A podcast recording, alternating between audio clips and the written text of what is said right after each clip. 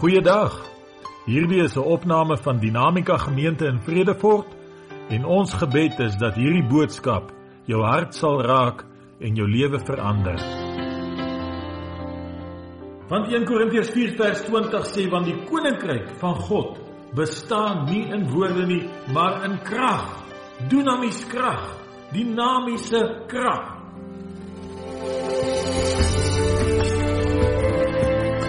Luister na die woorde van die profeet. Kyk wat sê hy: "So sal my woord wees wat uit my mond uitgaan spreek die Here.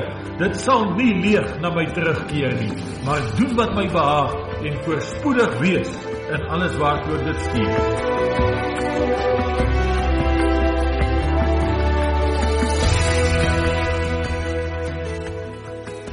Nou jy kan saam met my oopmaak volgens by Filippense 4 vers 6 en kom ons gaan daar saam lees uit die woord van die Here. Prys die naam van die Here. Nou voordat ons gaan lees, kom ons sit net so dan buig ons die hoofde. Vader, hier sit ons nou in die grootste afwagting. Here, vanoggend het niemand wat hier by hierdie deure ingekom het gekom om vir my te kom luister nie. Hulle het gekom om die woord te ontvang van God in die hemel. Want Paulus sê Moenie laat woorde van menslike wysheid julle oortuig nie, want dan bestaan julle geloof in dit. Hy sê maar laat julle geloof bestaan in die krag van God. Here, nou wil ons vanoggend kom verklaar en sê Here, ons glo nie vanoggend in enige slimmer redenasies nie. Ons glo nie vanoggend in die oortuigingsvermoë van enige mens nie. Ons glo vanoggend in die krag van God. Ons glo in die God wat leeu se bekke toebind. Ons glo in die God wat die Rooi See oopmaak. Daar waar geen weg was nie. Daar waar geen pad was nie, het God 'n pad gemaak. En hier is die God wat vandag nog sê, al sien jy geen pad voor nie, ek maak 'n pad waar daar geen pad is nie. Jesaja sê in deur die woestyn, daar waar net duine is, daar waar geen water is daar waar mense insak in die sand, daar maak ek vir jou 'n weg. Daar gee ek waterstrome. Daar laat ek terebinte van geregtigheid opgroei. Daar gee ek 'n sipres in die plek van 'n doringboom. En dit gebeur net deur die krag van God. En nou wil ons bid volgens Here Jesus. U wat hierdie krag aan ons vrygestel het. U wat gesê het hy wat glo, sal hierdie tekens sal volg vir hom. In my naam sal hulle duiwels uitdryf. In my naam sal hulle hande op die siekes lê. Hulle sal 'n nuwe tale spreek. Al hierdie tekens. En dankie Here dat ons volgandaan kan wandel. Ons wil nou uitstap in hierdie oomblik uit die natuurlike uit en ons wil onsself plaas in die bonatuurlike. Dis wat U ons geroep het. Nie om gewone mense te wees nie, to be supernatural. Om bonatuurlik te wees. Gelei deur God se gees. Wandel in die wonders van God. sien die hand van God in elke dag van ons lewens. Dis die plek waar ons begeer om te wees. En mag dit volgend ook so gebeur wanneer die woord in ons harte kom neerdal soos die reën en die sneeu uit die hemel. In Jesus naam. Amen. Prys die naam van die Here. Filippense 4 vers 6. Kom ons lees dit sommer almal saam. Wees oor niks besorg nie. Maar laat julle begeertes in alles deur gebed en smeking met danksegging bekend word by God en die vrede van God wat alle verstand te bowe gaan sal julle harte en julle sinne bewaar in Christus Jesus net tot sover. Nou God is besig om met ons te deel oor ons hart. Ek weet nie of jy dit agtergekom het nie. Ek het dit so vanoggend eers begin agterkom. Die laaste 3 boodskappe wat die Here gelê het op my hart, deel elkeen op een of ander wyse kom dit terug na ons hart. En God is ons besig om ons hart voor te berei. Hy's besig om ons hart voor te berei want hy sien daar sekere dinge wat God met my en jou wil deel wat hy nie kan deel nie. Jesus kom met sy disippels en hy sê daar's sekere dinge wat ek nou wat ek graag vir julle wil sê, maar ek kan dit nie nou deel nie want dit is te ver bo julle verstaan. Jy sien daar's 'n plek waar ek en jy moet kom waar ons ontvanklik is vir die groter dinge van God. Ek dink as Jakobus wat geskryf het en gesê het vaste spys is vir die wat geoefen is in die woord van geregtigheid. Geoefen is. Hy sê moenie langer by die melkkos bly nie. Beweeg aan na die vaste spys. En ek glo God wil met ons gemeente beweeg na 'n nuwe vlak toe. Na 'n plek waar ons nader aan God se hart kom. Meer soos Jesus is. Meer funksioneer in die roeping wat Jesus Christus vir ons gegee het. Dis 'n hoë roeping. Ons het Woensdag gaan gesels daar by die bid hier in. En Adolf het op 'n stadium iets genoem. Hy sê baie van die jou plaaswerkers As jy vir 'n vrou kom gaan hy kerk toe en sê nee, hy kort 'n maruti om hom te begrawe. Maar ek wil vir sê baie mense dink ook dis hoekom jy in 'n kerk moet wees. Maar ek wil vir sê dat God wil beweeg van krag tot krag en van oorwinning tot oorwinning. God wil nie stil staan by 'n plek waar ons dormant raak in ons geestelike lewens nie. Hy wil ons neem na 'n plek waar ons in die oorwinning van Jesus Christus wandel elke dag van ons lewens. Jy weet baie keer kyk ons na ons lewens en dink, waar is die krag van God? Waar is die wonders van God? Waar is al die dinge wat hulle so van praat? Ou Gideon het dieselfde vraag gevra terwyl hy die koring uitge, uitgetrap het daar onder in die parskyp. Waar is die God van wonders? Ek wil vir julle sê die God van wonders leef vandag nog. Hy wil vandag nog beweeg in sy gemeente soos wat hy beweeg het in die kerk van Handelinge. Hy wil vandag nog wonders en tekens doen. Hy wil vandag nog mense se lewens omkeer dat hulle nooit weer dieselfde is nie. Reeds val die druppeltjies dankbaar. Weet om Willie Wells het laas Sondag verjaar. Daar's 'n man wat verander het waarlik. 'n Man wat werklik by die Here uitgekom het. Ek wens ek kon vir julle 'n video wys vanoggend van hoe die eerste bid hier gelyk het waar hom Willie was. En prys die Here vanoggend Ek dink ek hom wil hy staan ook daar op die galery van die hemel en hy luister na hierdie storie. En hy weet dis die waarheid. Maar die eerste bid hier wat ons by hom wil het aan die Driniese huis gehou het, was hom wil hy so 'n bietjie onder die prop. En hom wil hy was per maandag. Ek vir julle sê vir oggend hom wil hy was nie jou maat nie. Die pastoor wat daar was, hy het hom uitgedaag en ge-challenge op elke wyse wat dit moontlik was. Want toe kom hom wil hy uit die Katolieke kerk uit groot geword saam met die nonne. Hy was 'n weeskind gewees. En hy wou net op elke manier ons uit daai huis uit kry. En die van u wat vir hom Willie ken en onthou sal weet dit is nie hoe ons hom geken het die laaste tyd nie. Oom Willie het 'n sagte hart gehad, 'n pragtige kind van God. Elke oggend as hy hier inkom, ek vra hom hoe gaan dit om Willie dan sê hy sweet as a lemon. Dit was sy woord. Oom Willie het altyd geglimlag.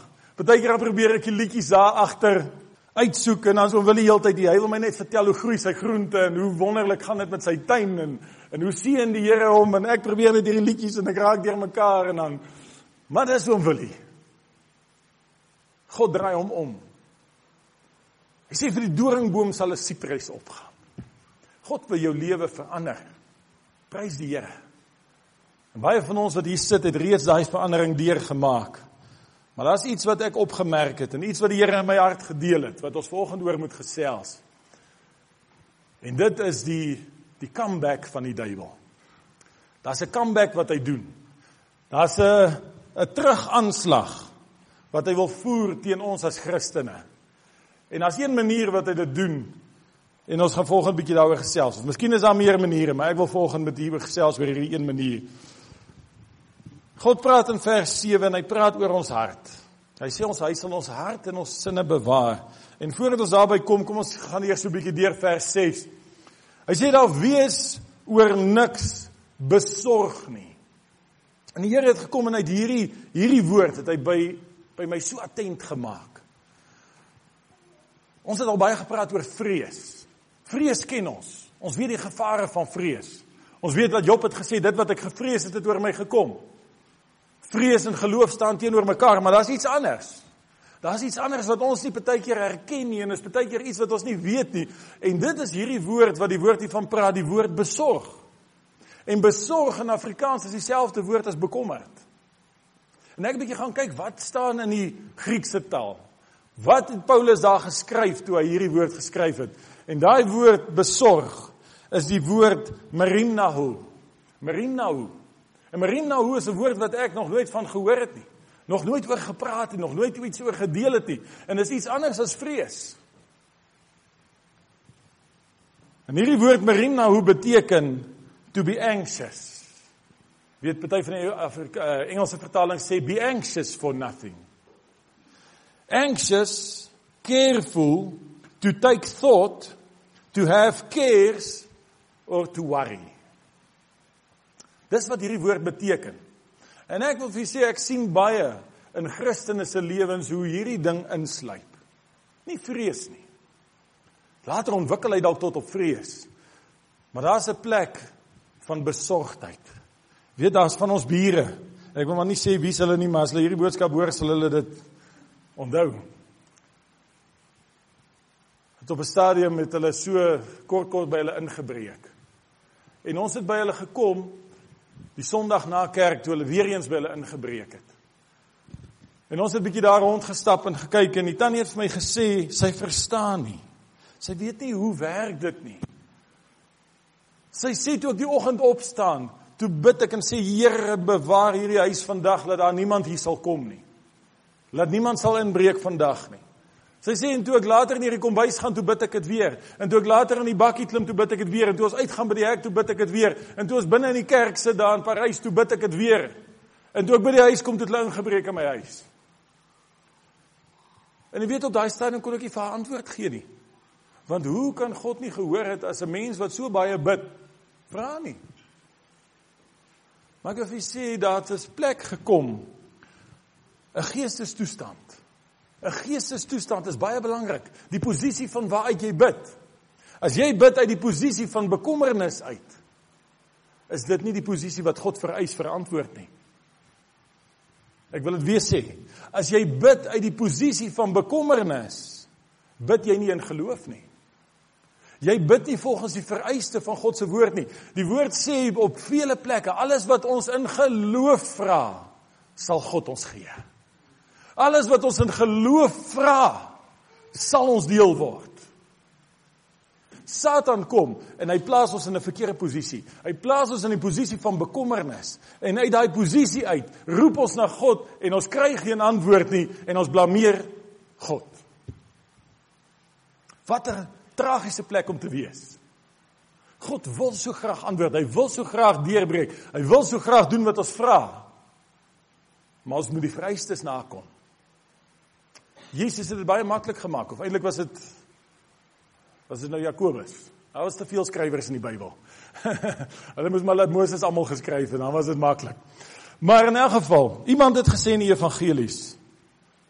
Hy sê julle bid en julle ontvang nie omdat julle verkeerd bid om dit in julle welles te deur te bring. Met ander woorde, ek kan bid uit 'n posisie van welles. En ek sal niks ontvang nie.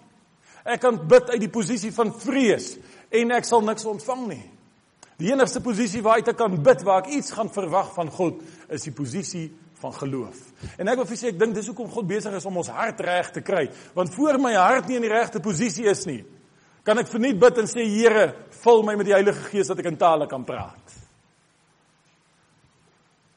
Baie van ons begeer dit, ons soek dit, ons weet nie hoe om dit te kry nie en ons verander ons posisie.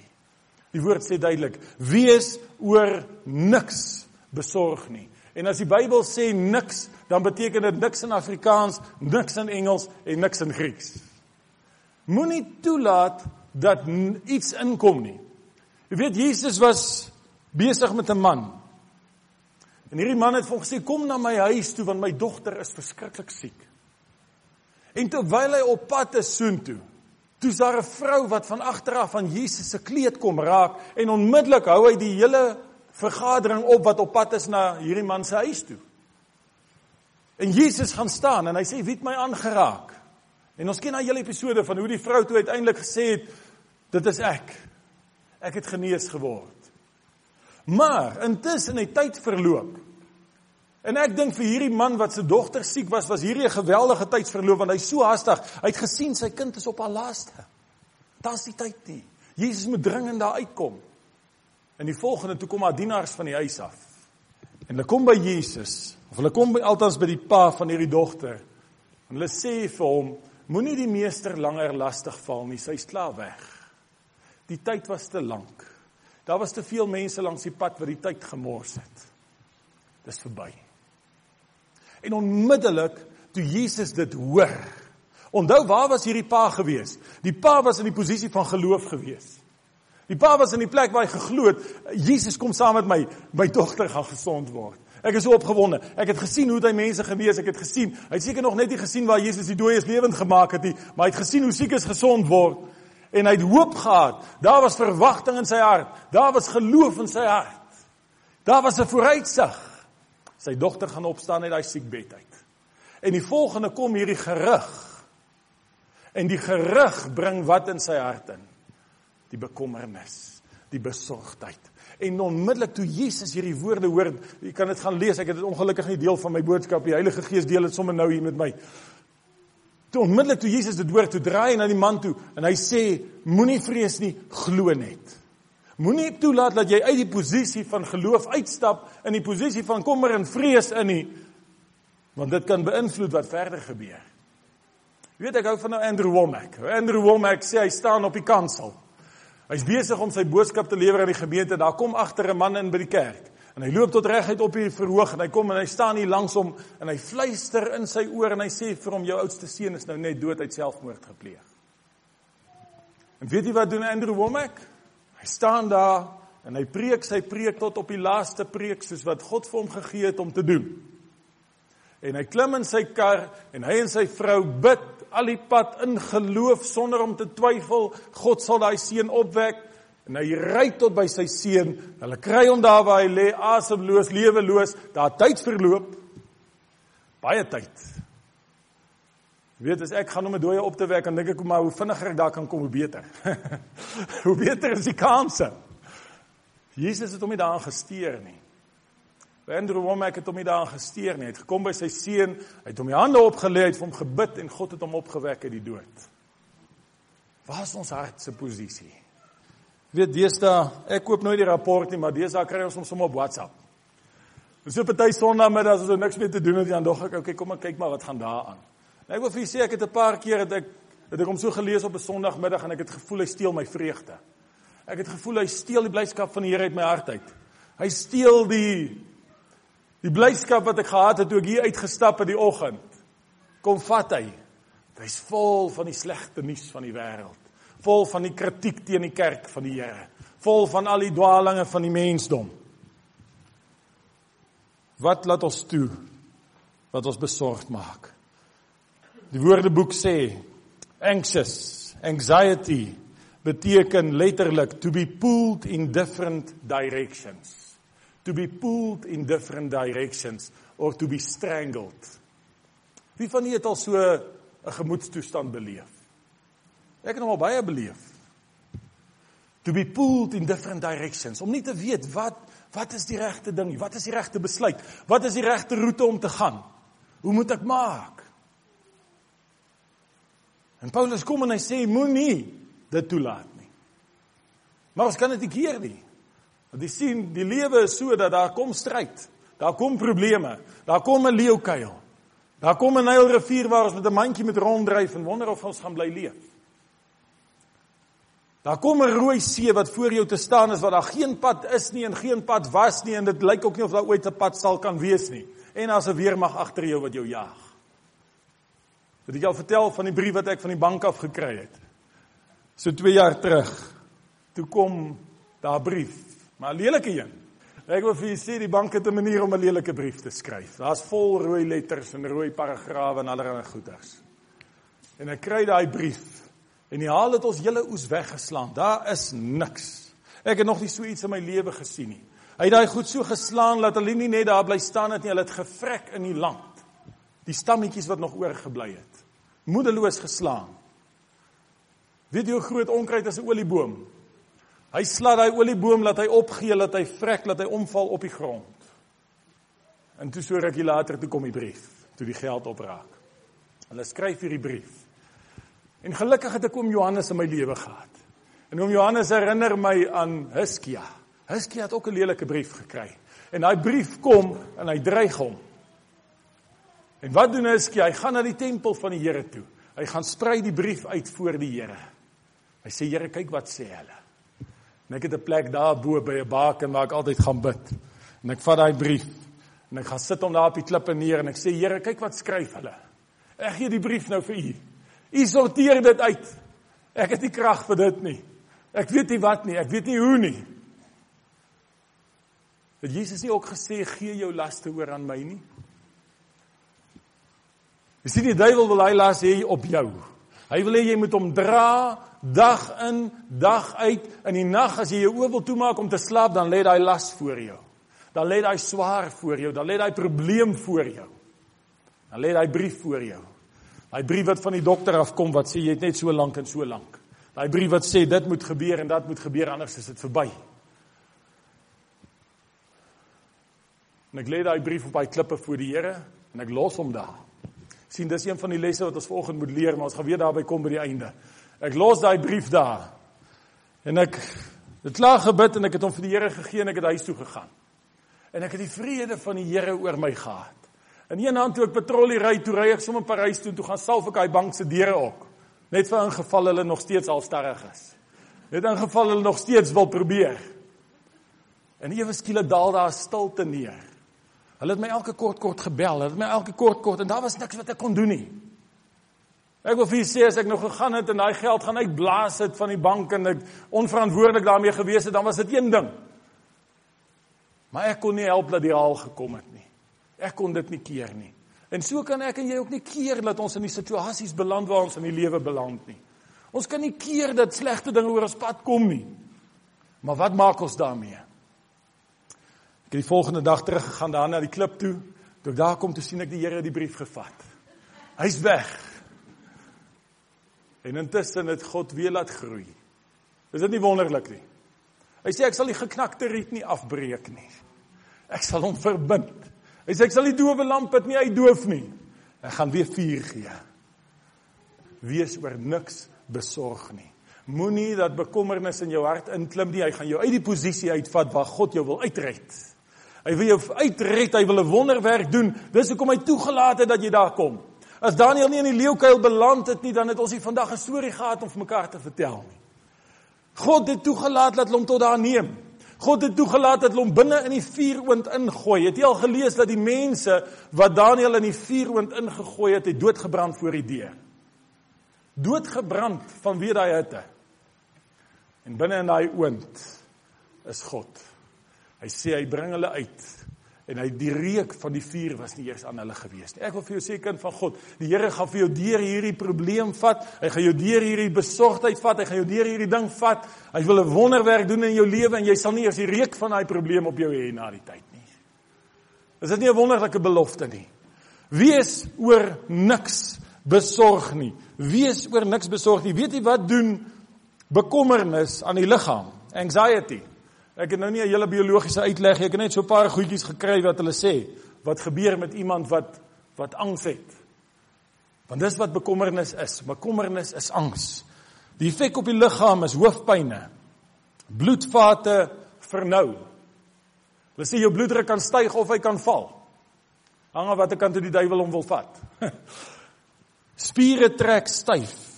Baie mense wat vol angs is, raak in een getrek. Reumatiek begin sy lyf oorvat, begin sy liggaam oorvat, want dis die angs. Daar's niks fout met sy liggaam nie.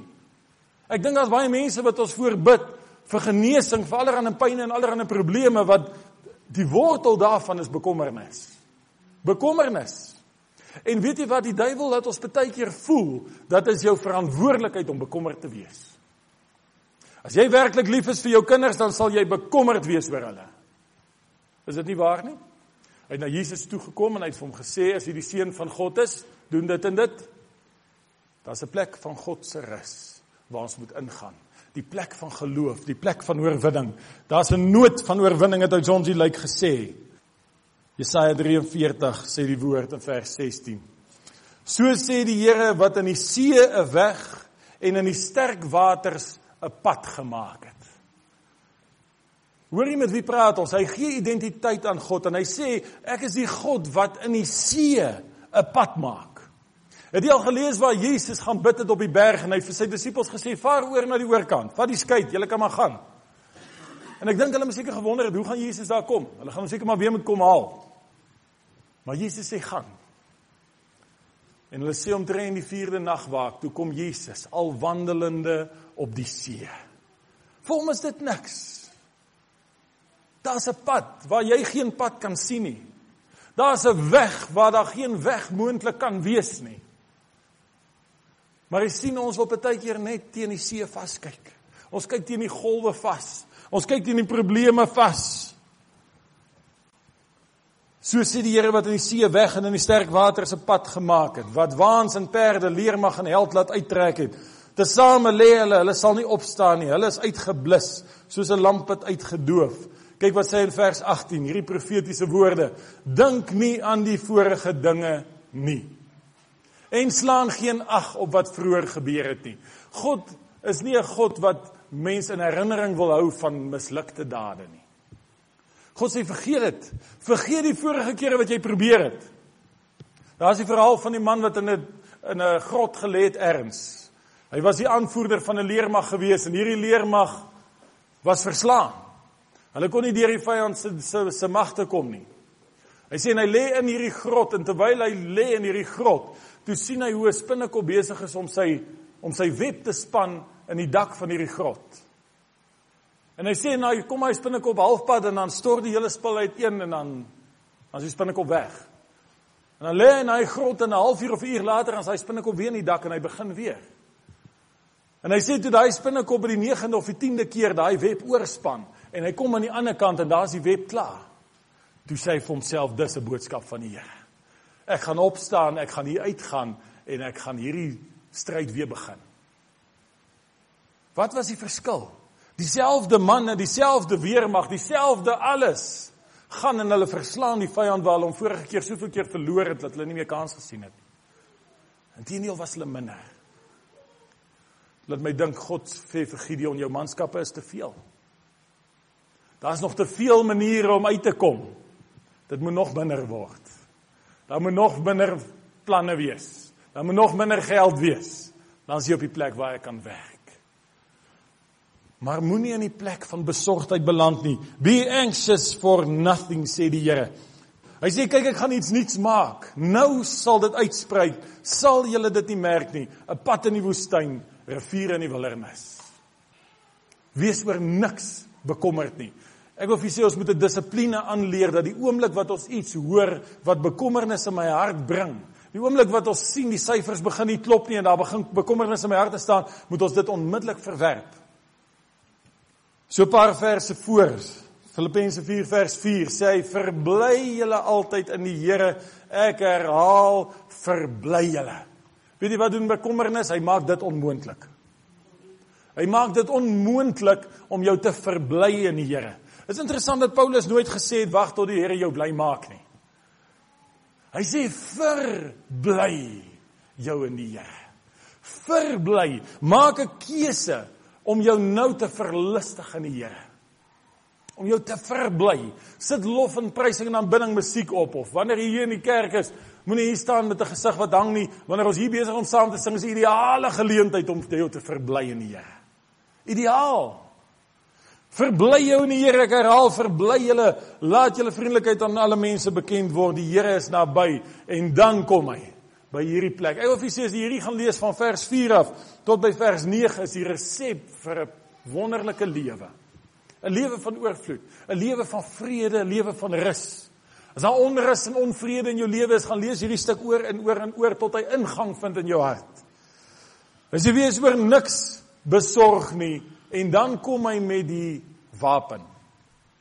God het ons geestelike wapens gegee. Hy sê maar laat julle begeertes in alles deur gebed en smeking en danksegging bekend word by God. Dit is baie interessant dat Paulus as een vyand bekommernis, as drie wat teen hom staan.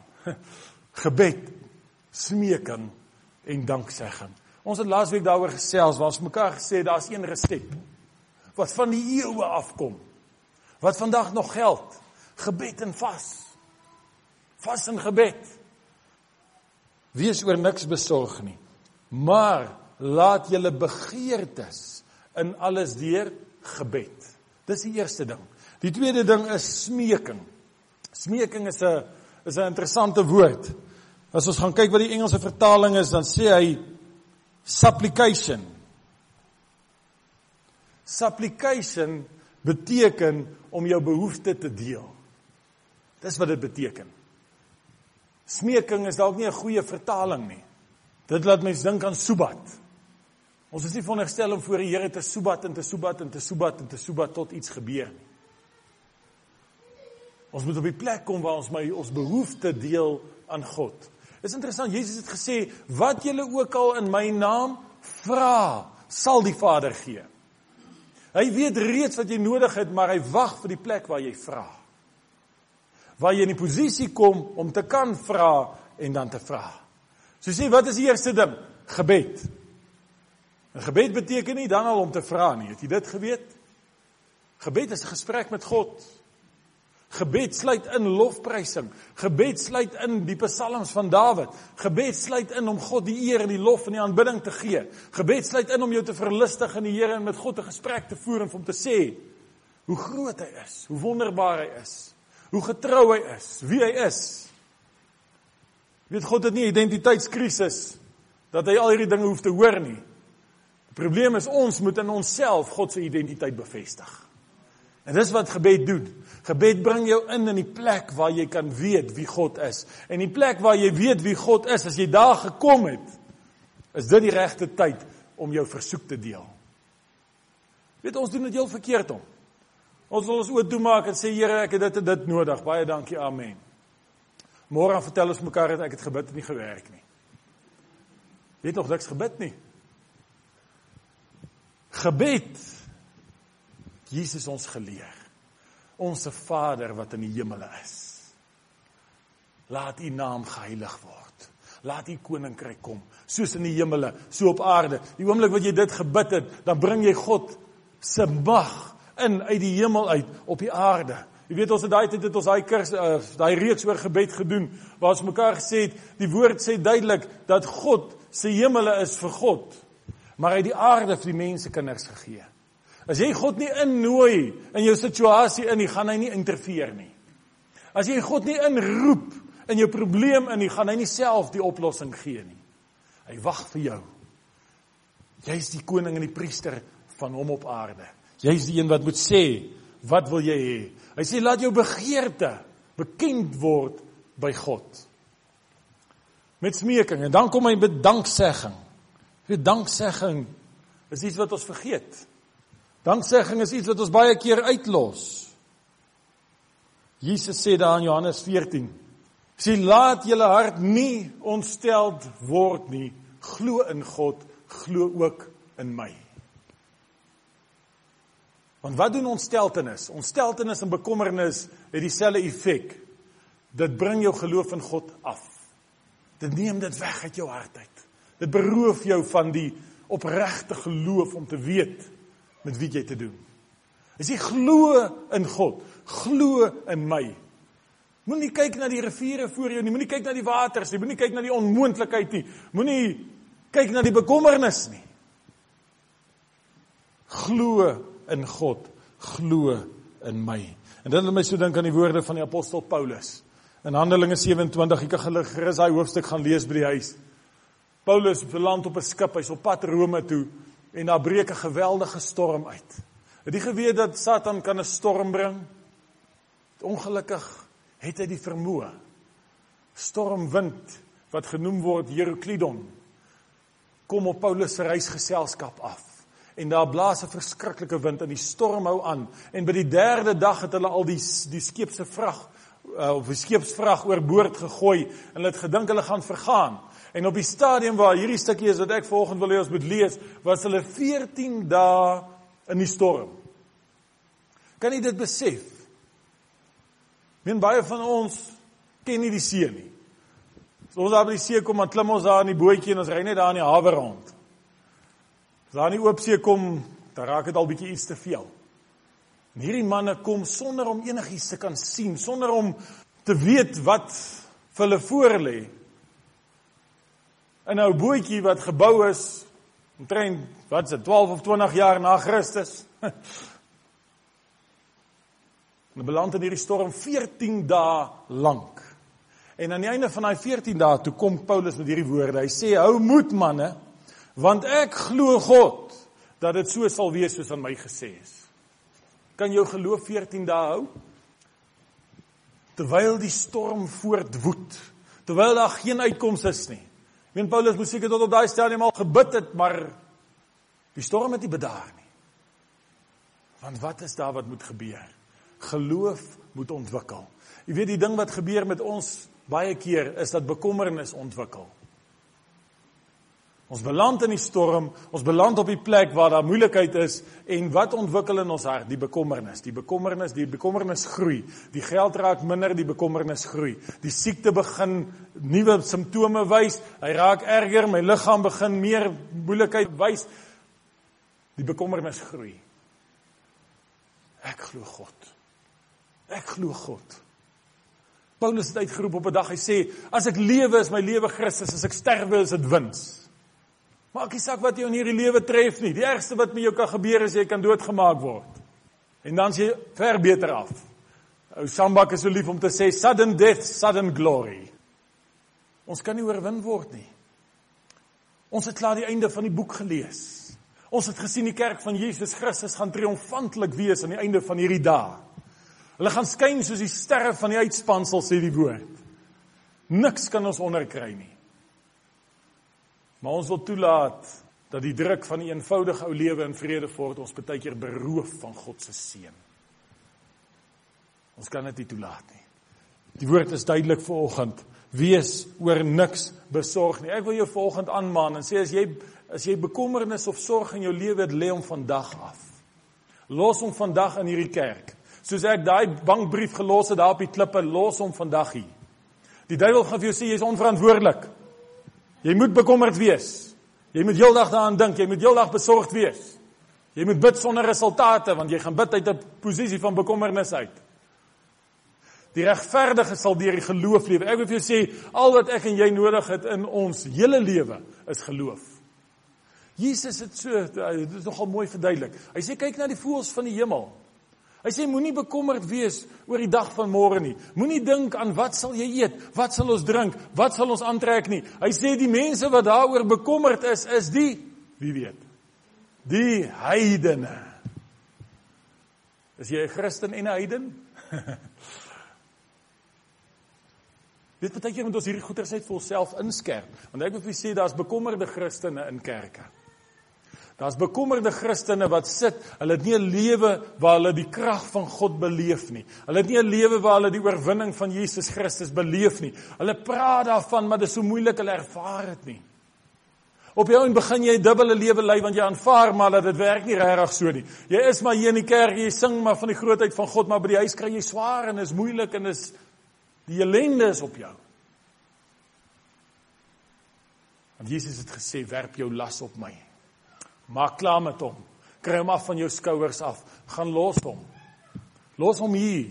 Los hom op 'n ander plek. Ek weet nie waar jy hom wil los nie. Maar los hom. Daar's 'n pragtige verhaal in Samuel. 1 Samuel hoofstuk 1 lees ons van 'n vrou met die naam van Hanna. Die woord sê vir ons Hanna was kinderloos gewees. 'n Man se naam was Elkana. Eenmal 'n jaar het hulle opgegaan na die tempel van die Here. Hulle het gekom by hierdie tempel en hulle het hulle dankoffers aan God gebring en hulle terug gaan gaan na hulle huis in die in die stad Rama. En die woord sê hierdie vrou het 'n pyn in haar saamgedra. En iemand het nou dag iets gesê wat by my vasgesteek het wat wat vir my waar klink. Dis nie Bybel nie, dis maar net iets wat iemand gesê het. Hy sê gebed word gedryf deur twee goed. Dis pyn of is passie. Partykeer is dit pyn en passie. Maar hy sê dis die enigste twee goed wat ons as Christene dryf om te bid.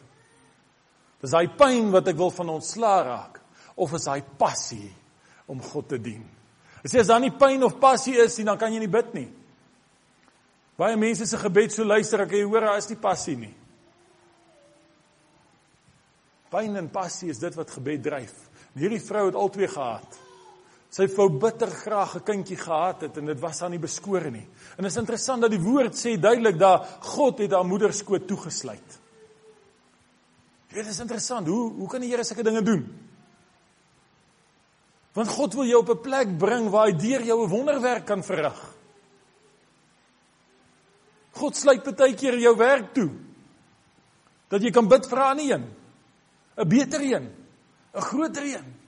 God maak baie keer die vensters en die deure voor jou toe sodat jy moet weet jy moet op jou knieë kom en uitroep vir ander een. En dit mag dalk wreed klink. Dit mag dalk klink, maar ek wil vir julle sê ons sou ook nie vandag geweet het van Hanna as haar moeder skoot nie toegesluit was nie. Net soos ons nie sou geweet het van 'n Daniël as hy nie in die leeukuil beland het nie. Maar daar's in die annale van ons Bybel is daar opgeskryf van Hanna wat se moeder skoot toegesluit was. En hier's 'n vrou wat dit nie aanvaar het nie. Daar was dalk ander in Israel wat dit maar aanvaar het. Maar met die smart saam geleef het, maar hier's 'n vrou wat gesê het ek dien 'n God wat sê in Deuteronomium geen een van die vroue onder jou sal kinderloos wees nie. Daar's 'n belofte. En ek wil vir sê as jy 'n belofte in hierdie woord kan kry vir jou probleem, dan is jy deur dan het jy die antwoord. Dan is dit tyd dat jy op jou knieë gaan kom en bid voor die Here. Jou behoefte bekend maak en begin dankie sê vir die antwoord wat reeds op pad is. En hierdie vrou Hanna kom in die tempel van God eenmal 'n jaar. Of ek kan in my gees sien hoe sy haar voorberei het vir hierdie tog. Sy het geweet as ek by daai tempel instap, gaan ek bid tot ek 'n deurbraak by God gekry het. Sy sê ek het een geleentheid. Die woord sê hulle het jaar op jaar op jaar soontoe gegaan, maar ek dink hierdie jaar, hierdie jaar wat hulle op pad was, het Hanna haarself voorberei gesê daar gaan nou iets gebeur. En sy het in daai tempel ingegaan en sy het begin bid. En sy het begin bid. En die priester, die hoëpriester Eli, sit binne in die tempel en hy hou al die mense daar dop en hy kyk van die offers wat in en uit gaan en hy sien die ouens wat kom bid en hulle gaan uit en hy sien hierdie vrou En ek weet nie wat het sy gedoen nie. Ek kan net bietjie gaan lees aan 1 Samuel 1. Miskien kan julle agterkom wat het sy gedoen. Maar dit wat hy gesien het met sy vleeslike oë, het vir hom gelyk soos 'n dronk mens. En hy het na haar toe gegaan en het haar gesê, "Hoe lank gaan jy jou nog soos 'n slegte vrou gedra?" En weet jy wat was Hanna se antwoord? Hier's haar antwoord. Sy sê maar Hanna antwoord en sê, "Nee my Heer, Ek is 'n vrou beswaard in my gemoed. Wat beteken beswaard? Bekommerd, besorgd. Dit wat Paulus gesê het ek en jy nie mag wees nie. Sy sê ek is beswaard in my gemoed. Wyn of sterk drank het ek nie gedrink nie, maar ek het my siel voor die aangesig van die Here uitgestort. Halleluja. Weet jy hoe wil ek wens daar met tye kom wat ons dit gaan doen? Weet jy daar was tye in die herlewing van die kerk wat mense voorgekom het hier voor die verhoog of voor die kansel. Hulle het dit die boetebank genoem. Hulle het daar op hulle aangesig neergeval en daar het hulle hulle hart uitgestort voor die Here. En hulle het daar nie opgestaan voor hulle nie klaar was nie. En dis hoe lewens omgedraai word. Oom Willie se lewe het omgedraai die dag toe hy sy hart uitgestort het voor die Here. Dis hoe hy geword het soos hy was. Daar het 'n sipres opgegaan vir 'n doringboom. Ons het laasweek gelees wat die Here gesê het, moenie julle klere skeer nie, skeer julle harte. Maak jou hart oop voor die Here. Haal die bekommernis uit, haal die beswaardheid uit, haal die dinge uit en noem dit voor jou God. Want hy gaan jou uithaal. Hy sê ek het my aangesig uitgestort voor die Here. Klaagliedere 2 vers 19 sê stort jou hart uit voor die Here ter wille van die lewe van jou kinders. Stort jou hart uit in gebed. Hoe klink ons gebed lewe? Maar sy het haar aangesig uitgestort voor die Here en kyk wat sê in vers 18. Really kom by haar en hy het vir haar gesê, moenie jou soos 'n dronk vrou gedra nie en sy sê ek is nie dronk nie. Ek het my hart uitgestort. Daar was 'n min ander mense dink ek. Eli het nog nie so iemand sien bid nie. Hy het nog nie iemand so sien bid dat hy soos 'n dronk mens lyk nie. Maar partykeer vat dit dit om die deurbraak te kry. Nie omdat God hardhorend is nie. Net omdat ons moet kom tot in die posisie waar God se gees deurbraak kry. En nou Eli het gegaan en hy het vir gesê mag God jou genadig wees. Mag dit wees soos wat jy wil hê. En weet jy wat interessant is? Daar was geen engel wat vir Hanna gesê het, "Oké, okay, jou gebed is beantwoord nie." Daar was geen gesig of droom wat verskyn het en gesê het, "Hoor, hier is die waarborg, dit gaan nou gebeur nie. Daar was niks. Daar was 'n vrou wat haar hart uitgestort het en in geloof besluit het, God sal my antwoord. En kyk wat sê in vers 18 sê hy so mooi. Mag u dienares guns in u oë vind. Die vrou het toe daar weggegaan en sy het geëet en haar aangesig was anders. Snaaks, die Bybel sê nie vir ons wat het met haar aangesig gebeur nie. Maar daar het iets gebeur. Daar het 'n vrou gegaan op die resep van Paulus met gebed en met smeking en met danksegging en sy het haar verbly in die Here en in geloof uitgegaan. En kyk wat het gebeur. Daar's iets interessant wat gebeur met met met gebed en ek wil dit vanoggend vir u 'n mooi verduideliking daarvoor gee. Die woord Jesus sê vir ons in Markus 11 vers 24. Ek lees dit uit die amplified vertaling. Hy sê for this reason I am telling you whatever things you ask for in prayer in accordance with God's will. Believe with confident trust that you have received them and they will be given to you. Daai versie is is baie duidelik. Hy sê Jesus sê wat ook al jy voor in gebed vra. As dit in lyn is met God se woord, gaan ondersoek dit eers. Is dit in lyn met God se woord? Hy sê believe with confident trust that you have received them. So die oomblik wat jy bid, glo jy dat jy dit ontvang het? Reeds ontvang het. And they will be given to you. Dis interessant. Die woord praat hier van twee tydsaspekte. Hy praat van teenwoordige tyd en toekomende tyd. In die teenwoordige tyd bid ek en in die teenwoordige tyd ontvang ek en in die toekoms they will be given. Weet jy hoeveel keer het ek al hierdie ding in my lewe gesien? Ek het gebid en ek het gedink daar gaan geen antwoord kom nie. Ek het al vir julle vertel hoe ek op die stoep van Mooihoek se huis gesit en dan bid ek, Here, gee my 'n vrou, gee my 'n vrou en dan ry Janie daar in die pad verby en dan groet ek haar en dan gaan sy en dan bid ek weer verder.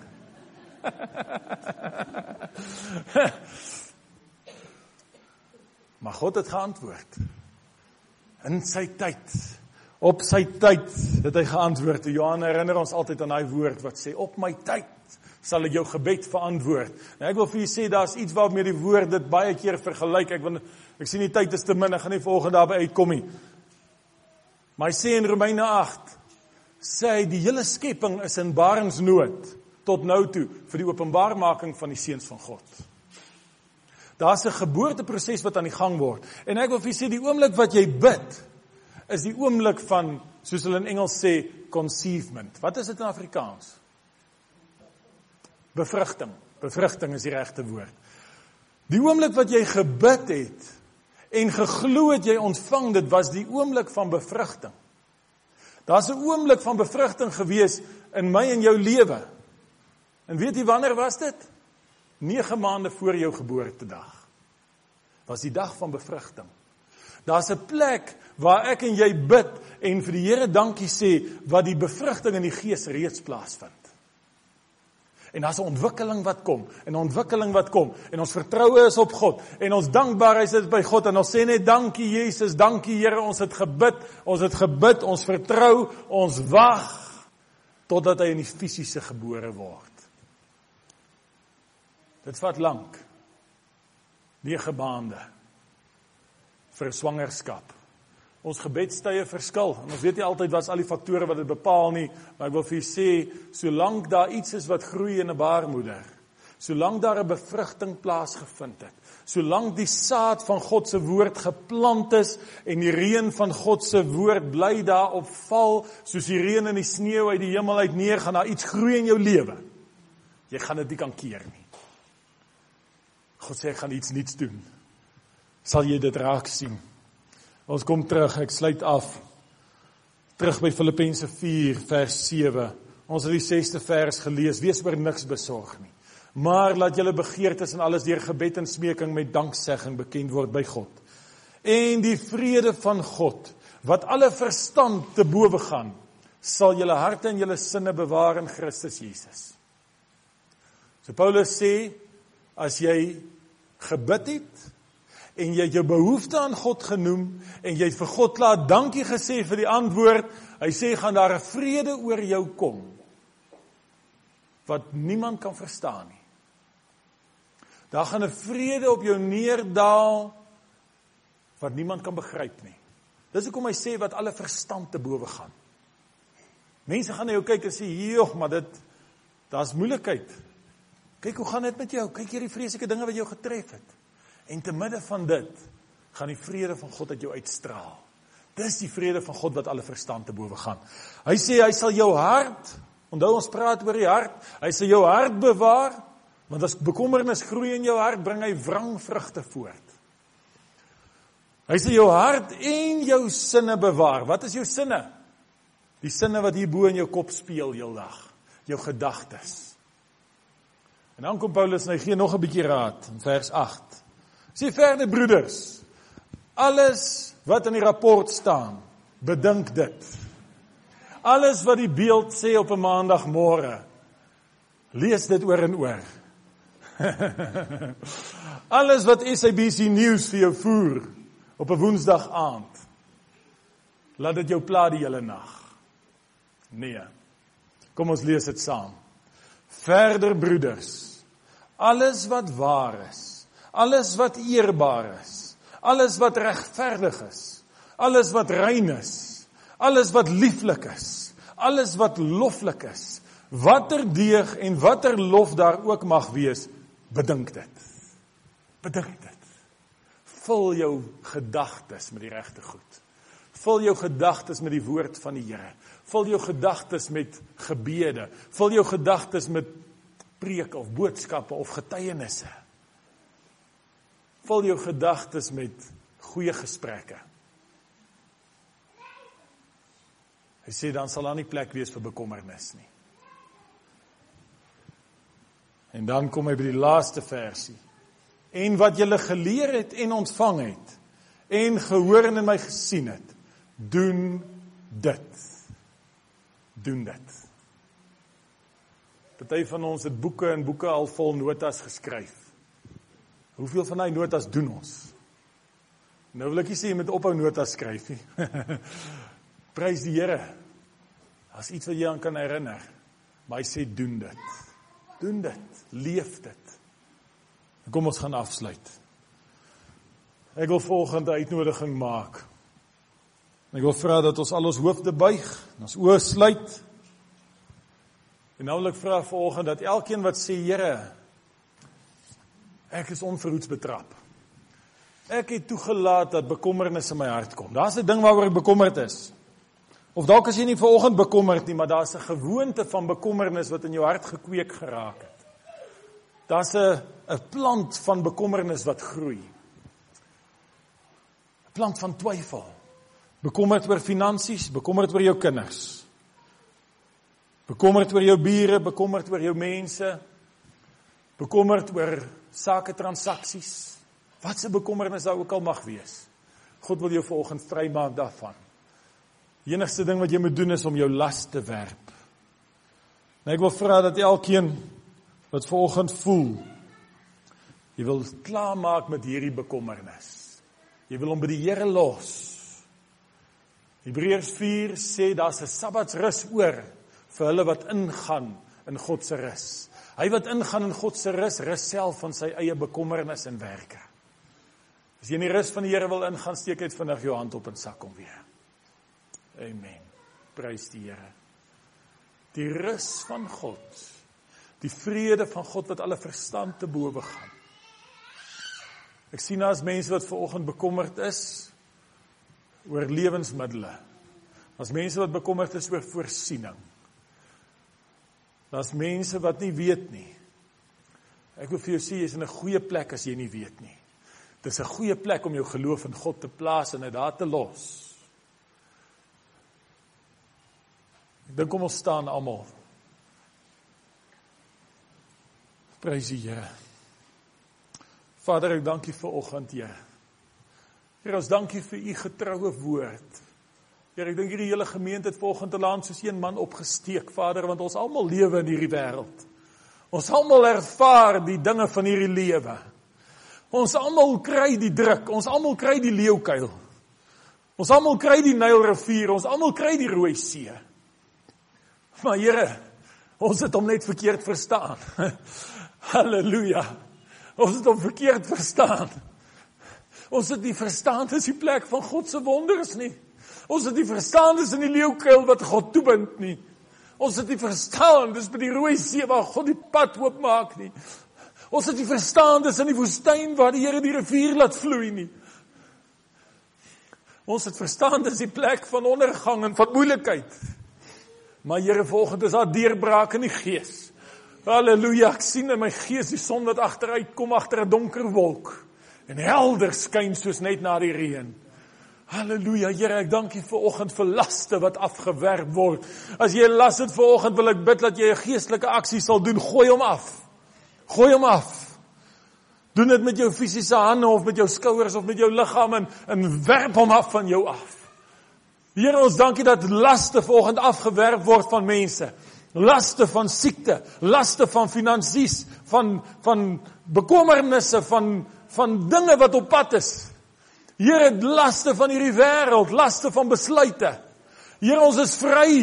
Here die woord sê die in Romeine 8 dat die hele skepping sigte saam om die vryheid van die kinders van God te hê, maar Satan wil ons bind, Here. Hy wil ons vashou. Hy wil ons weerhou om die vryheid te geniet. En Here, daarom word ons volgens vry in die naam van Jesus Christus.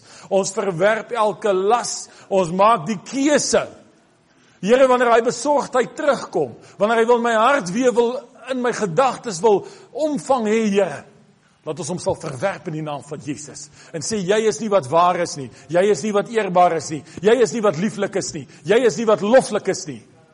Jy het geen deeg en geen lof nie. Jy wil niks opbou in my lewe nie. Jy's die stem van Satan. Ek glo God. Hy sal my uitred. Hy sal my deurdra. Ek buig myself in gebed, in smeking, in danksegging voor my hemelse Vader en ek vat die vrede van God. Dis my erfdeel in die wonderlike naam van Jesus Christus. Amen en amen. Prys die Here, want hy is goed. Prys die Here.